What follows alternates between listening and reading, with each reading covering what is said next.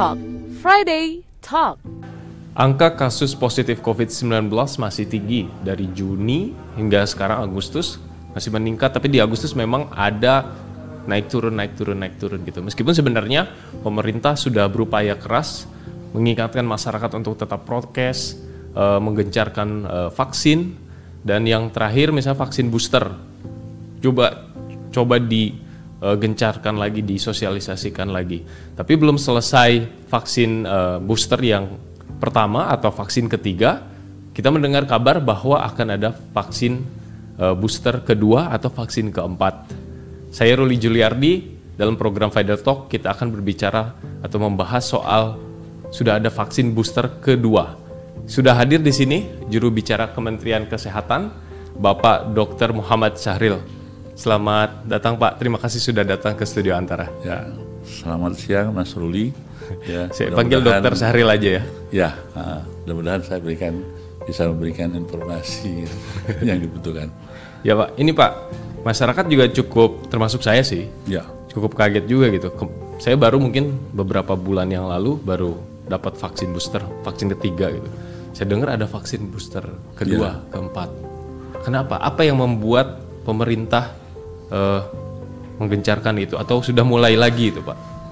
Alasan faktornya apa, Pak? Jadi betul.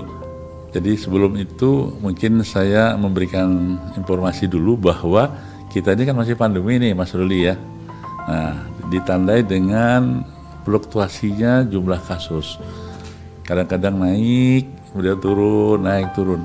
Nah, tetapi di awal eh, Juni, Juli dan Agustus ini eh, itu agak naiknya tinggi, ya kan, sampai nembus ada yang 5.000 bahkan ada yang 6.000 dan sekarang agak rata-rata 4.000. Nah itu tanda bahwasanya ada eh, subvarian baru namanya, hmm. subvarian baru BA4 dan BA5. Nah itu tandanya adalah kasus meningkat. Nah, kalau kasus meningkat, maka kita harus satu e, meningkatkan kewaspadaan dengan disiplin protokol kesehatan. Karena kan COVID ini kan menular nih. E, salah satu pencegahan agar tidak terjadi penularan dengan e, protokol kesehatan. Nah, sedangkan vaksin itu adalah upaya kita untuk memberikan e, imunitas. Hmm. Kalau istilah keren kedokterannya antibody nih. Antibody Nah, kita masukkan suntik vaksin, vaksin satu, vaksin dua, ya, dan sekarang ada eh, vaksin ketiga atau booster satu. Nah, itu adalah upaya untuk memberikan eh, imunitas atau antibodi agar seseorang itu, walaupun dia kena dengan eh, COVID ini, dia nggak nggak berat-berat amat sakitnya, nah gitu ya. Nah, Kenapa vaksin tiga sudah jalan dan sekarang ada vaksin ya, tiba-tiba ada eh, keempat? Bukan tiba-tiba lagi. Memang satu tadi adanya kasus yang menaik. Hmm. Berarti kita harus prevention dong, prevention. Nah, tentu saja ada syaratnya. Jadi dari vaksin saat tiga ke empat atau booster satu ke booster dua itu eh, enam bulan syaratnya minimal. Hmm. Nah, ya. Kenapa kok enam bulan? Karena setelah enam bulan titer antibodi tadi udah menurun. Nah, kalau ini menurun, kemudian kasusnya meningkat, tidak kita tambah maka akan semakin itu. Jadi ada kesan kalau kita ini sebenarnya lagi berkejar-kejaran dengan varian baru. Iya. Jadi kita harus istilahnya punya aplikasi, sorry, updatean baru ya, iya. yang bisa mengenali tambahin pelurunya yang gitu baru lagi. gitu ya pak. Jadi kita sebenarnya lagi ya uh, racing ya. Jadi kalau kita tidak berikan itu, maka kita akan jatuh sakit lebih berat bagi orang-orang yang sedang kena. Nah gitu. Nah sekarang masalahnya ada dua ini. Booster yang pertama itu kan masih rendah ya. Masih Dan saat ini sampai 26,9 atau 27 persen. Ya. Padahal kita mentargetkan 50 persen. Nah untuk itu eh, ini untuk masyarakat ya, hmm. untuk masyarakat. Jadi prioritas kita yaitu bagaimana meningkatkan cakupan sampai 50 persen untuk booster yang pertama. Nah, karena ini meningkat kasusnya, maka sudah saatnya kita memberikan booster kedua atau vaksin keempat, ya, karena sudah lebih dari enam bulan itu ya. untuk. Nah, terus siapa yang dapat duluan? Yaitu orang-orang yang punya risiko tinggi. Nah, orang-orang risiko tinggi itu siapa? Satu adalah tenaga kesehatan. Nah saat ini diprioritaskan dulu untuk tenaga kesehatan. Itu ada 1,9 juta orang. Dan nanti kita akan teruskan kepada orang-orang yang dengan risiko tinggi yang lain. Contohnya eh, orang-orang yang melayani publik, wartawan, kemudian polisi ya, tentara, semua yang interaksi ya, interaksi publik ya, melayani ya, pelayanan publik itu. Kemudian juga orang lansia atau umur tua ya, usia lanjut dan juga orang-orang dengan komorbid atau dengan eh, imunokompromis istilahnya itu. Jadi daya imunnya yang yang yang rendah itu yang diprioritaskan. Sebelum kita masuk banyak ngobrolin yang untuk vaksin booster kedua nih Pak. Kan vaksin tiga ini masih maaf, vaksin yang ketiga atau vaksin booster pertama. Kita ngomong vaksin tiga keempat aja gitu. ya, Pak. Boleh. Lebih Booster gampang. ya. Ya, booster ya. Booster Eh, satu Booster ya. pertama lah, booster satu gitu. Itu kan masih rendah tuh Pak. Ini masalahnya di mana? Padahal kan kita tahu sebenarnya masyarakat juga banyak juga yang sebenarnya vaksin satu, vaksin dua antusias Pak, sekali. Ya. Analisis Kementerian Kesehatan. Jadi ini juga bukan dialami oleh Indonesia saja, tapi eh, negara-negara lain begitu. Begitu mendengar negaranya sudah agak stabil, ini kan dulu kan dianggap stabil kan? Iya. Oh kita udah stabil nih, boleh kita buka master di luar gedung. Ya. Nah sehingga masyarakat beranggapan ya sudahlah kita eh, cukup ini. Nah, padahal kita sudah memberikan eh, risiko bahwa saja ini masih pandemi dan ternyata betul kan ada naik lagi. Nah saat ini eh, keadaan itu harus kita kita apa susul lagi. Dulu pasien satu dua kan berhasil bagus ya. Ya. Nah sekarang pasien yang booster, ini itu akan kita eh, gerakkan lagi seperti yang lalu. Caranya adalah eh, kan ada sentra vaksinasi ya. Ya. Oh, sentra vaksinasi itu oleh TNI, Polri, swasta, termasuk media kan. Bukanya di mana-mana. Ada yang di mall, ada yang di stasiun, ada di bandara, kita dibuka semua. Itu digerakkan lagi. Termasuk pemerintah daerah dan Satgas Covid. Ya. Satgas Covid ini peranannya penting banget loh mas ya, karena dia bisa sampai ke pelosok, jadi sampai ke kelurahan, ke desa. Nah itu sekarang digerakkan.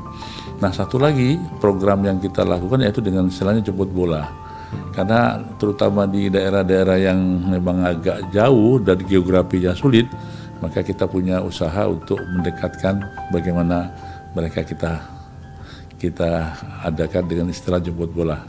Jadi petugas kesehatan, kemudian dari pemerintah daerah ke rumah-rumah lah untuk melakukan itu. Vaksin booster pertama ini eh, ada beberapa daerah yang memang cukup eh, bagus ya ininya apa namanya Capaiannya. cakupannya gitu. Tapi ada juga beberapa daerah misalnya di Papua, Papua Barat, lalu Sulawesi, eh, Sulawesi Barat, Sulawesi Tengah itu masih rendah lah jika dibandingkan beberapa daerah lainnya. Apa yang membuat hal ini sebenarnya eh, jumlah vaksin ini mencukupi kan Pak? Apa kenapa ini jadi berbeda gitu? Ya, setelah kita evaluasi, itu faktor yang paling dominan itu karena geografis. Ya, geografis. Coba lihat yang eh, cakupannya atau capaian tinggi itu kan eh, kota-kota yang Relatif di besar ya Jawa, seperti DKI Jakarta, Bali, Riau, Jogja, ya, semua Ya, itu kan. Tapi begitu dia di luar Jawa, Tantangannya apalagi di Iran itu, nah salah satu itu. Karena faktor pembaginya itu kan jumlah penduduk, Ya. gitu loh. Jadi kalau di Papua itu jumlah penduduknya dikit, banyak 5.000 ya, tapi tersebarnya kan bayangkan itu salah satu. Nah ini makanya saya bilang tadi kita harus ada program jemput bola ya.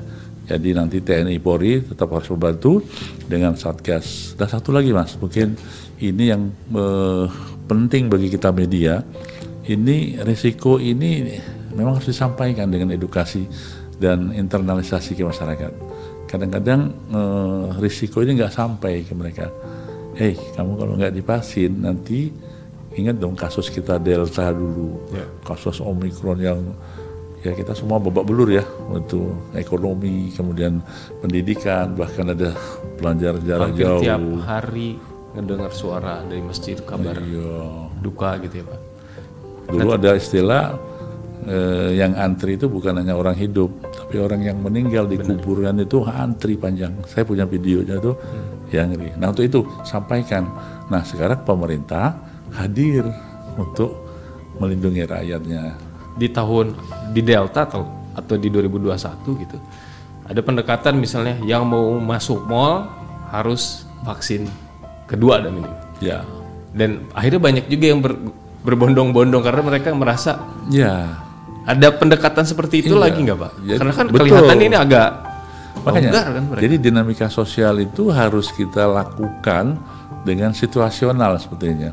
Contoh gini, apakah kita tega membiarkan rakyat kita yang lain itu kena ya sementara karena ulah oleh sebagian orang. Maka negara harus hadir. Eh kamu kalau naik pesawat masuk mall semuanya hari ini.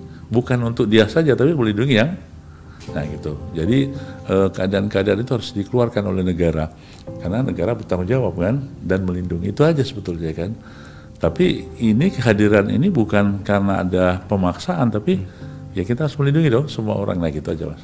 Tapi ini kan terjadinya misalnya di kota-kota besar ya orang menggunakan pesawat ke Hmm. mall dan istilahnya lebih mudah. Tapi untuk daerah kan lebih tantangannya lebih Berat nggak seperti itu kan gaya hidupnya juga berbeda. Artinya ada nggak sih eh, Nah. cara yang ini kayaknya pendekatan untuk di daerah khususnya daerah-daerah yang masih rendah vaksinasi booster pertamanya itu kayaknya kita harus melakukan sesuatu. Eh, ada ini kita kan punya istilah budaya paternalistik mas ya. Nah budaya paternalistik itu artinya masyarakat kecil atau kita kita dia akan patuh dah kepada pimpinan kita betul nggak ya?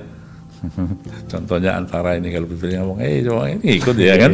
Nah jadi harapannya adalah seluruh pimpinan di sektor apa pun termasuk pimpinan agama, tokoh agama, tokoh masyarakat itu memang harus di diajak mereka, ajak dong masyarakat Bapak Ibu sekalian negara udah hadir loh dengan vaksin gratis ya, gratis.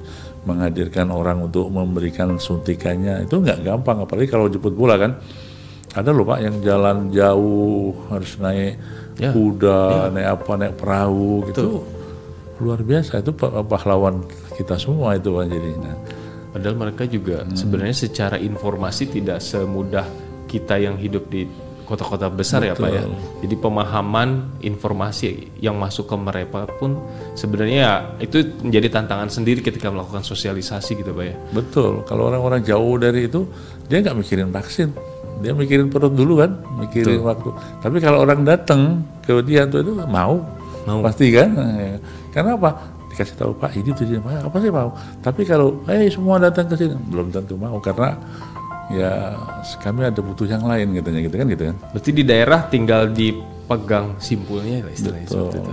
Ya. Itu adat, ada. adat agama ya, Wah, itu insya Allah nggak ada yang nggak nurut ya sama tokoh agama saya kira ya Nah, jadi komunikasi itu dibantu tidak cukup dengan apa media-media seminar kemudian koran TV belum tentu cukup tapi kalau diajak tokoh ya akan ikut nah, gitu mas Masuk ke vaksin booster kedua atau Ya. vaksin keempat Pak. Eh, sudah dijalankan kan di akhir Sudah. Juli ini ya? Di Ya. akhir Juli kemarin ya? Juli kemarin 29 kita umumkan tapi biasa eh, kemarin banyak dimulai itu di 1 Agustus ya karena kurang satu hari kan jadi gitu sudah mulai bahkan di Jakarta yang paling kami pantau itu paling paling responsif itu Jakarta me- mereka mentargetkan satu bulan harus selesai nih Satu bulan satu selesai bulan apanya? selesai untuk nakes Penakesnya nakes Jakarta Jakarta aja. kan dikit kan Iya, tidak iya. dan bisa itu Bisa. karena nakes lebih gampangnya apa dia berada di Ya lingkungannya di, situ. puskesmas nah, gitu. Dia tinggal ketemu. datang saja. Dan kalau orang-orang nakes itu kami pantau itu 85-90 persen mas sudah merasa ya memang kebutuhan karena dia tahu banyak yang Risikonya mening- di depan mata. banyak yang meninggal banyak Iya. itu ada betul dan risikonya di depan mata tadi dan tidak ada alasan itu tidak. Mungkin udah dekat gitu ya. Jadi beda sama orang-orang yang di Papua di Aceh di mana itu kan itu agak agak berbeda. Sehingga untuk nakes harusnya satu bulan selesai. Bahwa vaksin booster kan diprioritaskan buat nakes betul. Betul. Mereka juga nakes yang awal duluan di mana ya di awal vaksin satu dua tiga. Vaksin satu deh dia pasti duluan ya karena memang nggak ada terdepan kan Pak ya. Artinya juga di sini eh, enam bulan expired atau enam bulan Menurun menurun kadarnya. kekuatan kadarnya bukan expired jadi wajar bila memang nakes dan pelayan publik memang di karena memang dari segi durasi pun mereka Iya. sudah mulai menurun ya vaksin jadi harus segera di eh, shot gitu pak tapi apakah mungkin masyarakat juga bisa mendapatkan se- Oh segera iya, jadi hitungannya, hitungannya ya seluruh penduduk, seluruh masyarakat. Maksudnya dalam waktu yang saat ini saat ini kan masih diprioritaskan Nah, makanya, dan nah, sekarang kan semua itu kan pakai prioritas Oke. gitu ya. Jadi kalau tadi dikatakan butuh ya semua harusnya pakai. Jadi seseorang yang sudah lebih enam bulan harusnya kan. Tapi karena tadi yang baru 27% tadi kita prioritas ini dong. tiga dulu. Nah, eh, jangan ini ini belum selesai kita ingin lagi nanti kacau kita pak. Jadi betul-betul. Berarti kalau ini kan prioritas nih Pak, apakah eh, prioritas ini juga berdasarkan karena memang saat ini vaksin ini baru ada sekian gitu, atau memang karena memang hitung-hitungan waktunya memang oh memang belum banyak yang eh, istilahnya belum sampai enam bulan gitu Pak ya? Tidak, jadi itu hitungannya satu hitungan waktu, yang kedua hitungan risiko, ya, sama ketersediaan logistik juga. Oke. Nah, artinya begini, eh, menyuntikkan dan logis itu juga butuh loh ya pengaturan. Bisa bayangkan kalau nanti bareng semua itu juga mungkin agak kewalahan. Nah sekarang kita ingin tuh prioritas yang saat ini adalah satu adalah booster yang pertama atau vaksin ketiga dan juga booster kedua atau vaksin keempat untuk tenaga kesehatan dan pelayanan publik yang lain gitu. Kabarnya eh, ada beberapa daerah yang dianggap beresiko itu akan lebih diprioritaskan Pak untuk yang boosternya ini. Eh booster ke satu apa kedua? Kedua. Enggak, kalau kedua semua nakes harus. Oh untuk yang masyarakat nantinya nanti. Oh nanti belum, nanti belum, belum. Jadi Artinya- selesaikan dulu. Iya, Tiga dulu tetap ini. kita selesaikan satu dan masyarakat itu masih dalam pertimbangan. Karena kita belum pikir ke sana dulu karena ini harus menjadi tercapai dulu. penyelesaian dulu. Eh, makanya sebenarnya tadi ada target 50% itu ya. Ya, harusnya 50%. harus 70% harusnya. Ya memang saya dengarnya 70% Iya, adalah yang dari paling WHO. ideal, yang WHO itu. Ya, oh. Kalau satu dua sudah tercapai gitu kan? Satu dua sudah oke. Kalau misalnya untuk yang booster kedua ini eh, sudah ada ancang-ancang Pak kapan nih masyarakat bisa dapat gitu? Menurut itu gitu kan. Kami belum memberikan jelas waktu ya artinya kapan akan dimulai dengan kelompok apa ya selain selain risiko tinggi itu eh, belum bisa disampaikan informasi yang yang apa yang pasti gitu jadi kita tunggu dulu aja ya Sebenarnya pertanyaan hampir banyak orang nanya juga setelah muncul eh, eh, booster kedua itu. Ini sepertinya kalau kita masih hidup dalam pandemi, kayaknya bakal terus ada vaksin.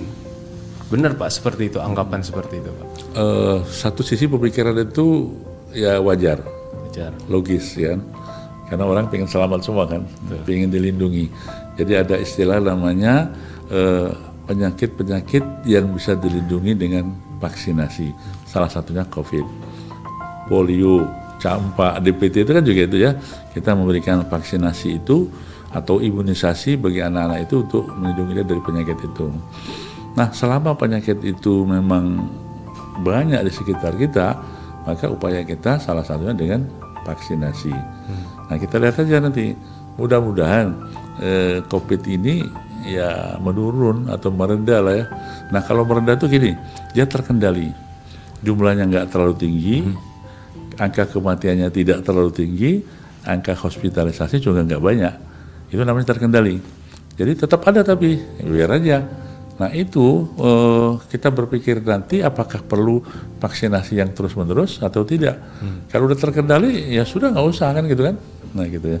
Karena kita juga harus melihat bahwa ya kita di Indonesia tidak hidup sendiri artinya kalau kita lihat 100 dari segi- 136 negara yang bisa berhasil mencapai vaksin hampir 70% itu masih sedikit ternyata Pak. Artinya ya kita juga tergantung dengan negara-negara lain gitu kan. Kita juga hidup Betul. ya saling berkoneksi gitu. Ada yang terbang ke mana, terbang ke mana gitu. Artinya kita tidak bisa menyelamatkan diri sendiri. Memang satu satu dunia pak artinya. Dan bukan COVID saja loh, sekarang ada monkeypox, ada hepatitis itu semuanya mengancam eh, banyak negara, bukan kita saja ya. Nah untuk itu eh, WHO pada saat mengumumkan maka dia juga yang nanti akan mencabut itu. Nah yang mencabut juga nggak gampang kan? Nggak mungkin Indonesia dicabut begitu ya, yang lain nggak. Jadi memang harus ada ke apa kesetaraan, kesetaraan dengan variabel-variabel yang hampir semua negara juga terkendali gitu ya. Nggak mungkin dia cuma dari Amerika saja oh Amerika bebas. Nggak bisa harus ada. Karena tadi betul. Karena apalagi sekarang itu kan penularan itu kan melalui mobilitas ya, Ya. Hmm, gampang orang dengan pesawat gampang sekali sehingga tidak bisa eh, satu negara langsung dibebaskan sebagai dari pandemi sementara daerah sekitarnya masih masih tinggi gitu. Untuk vaksin booster ini Pak, kan syaratnya kan enam bulan nih Pak. Mm-mm.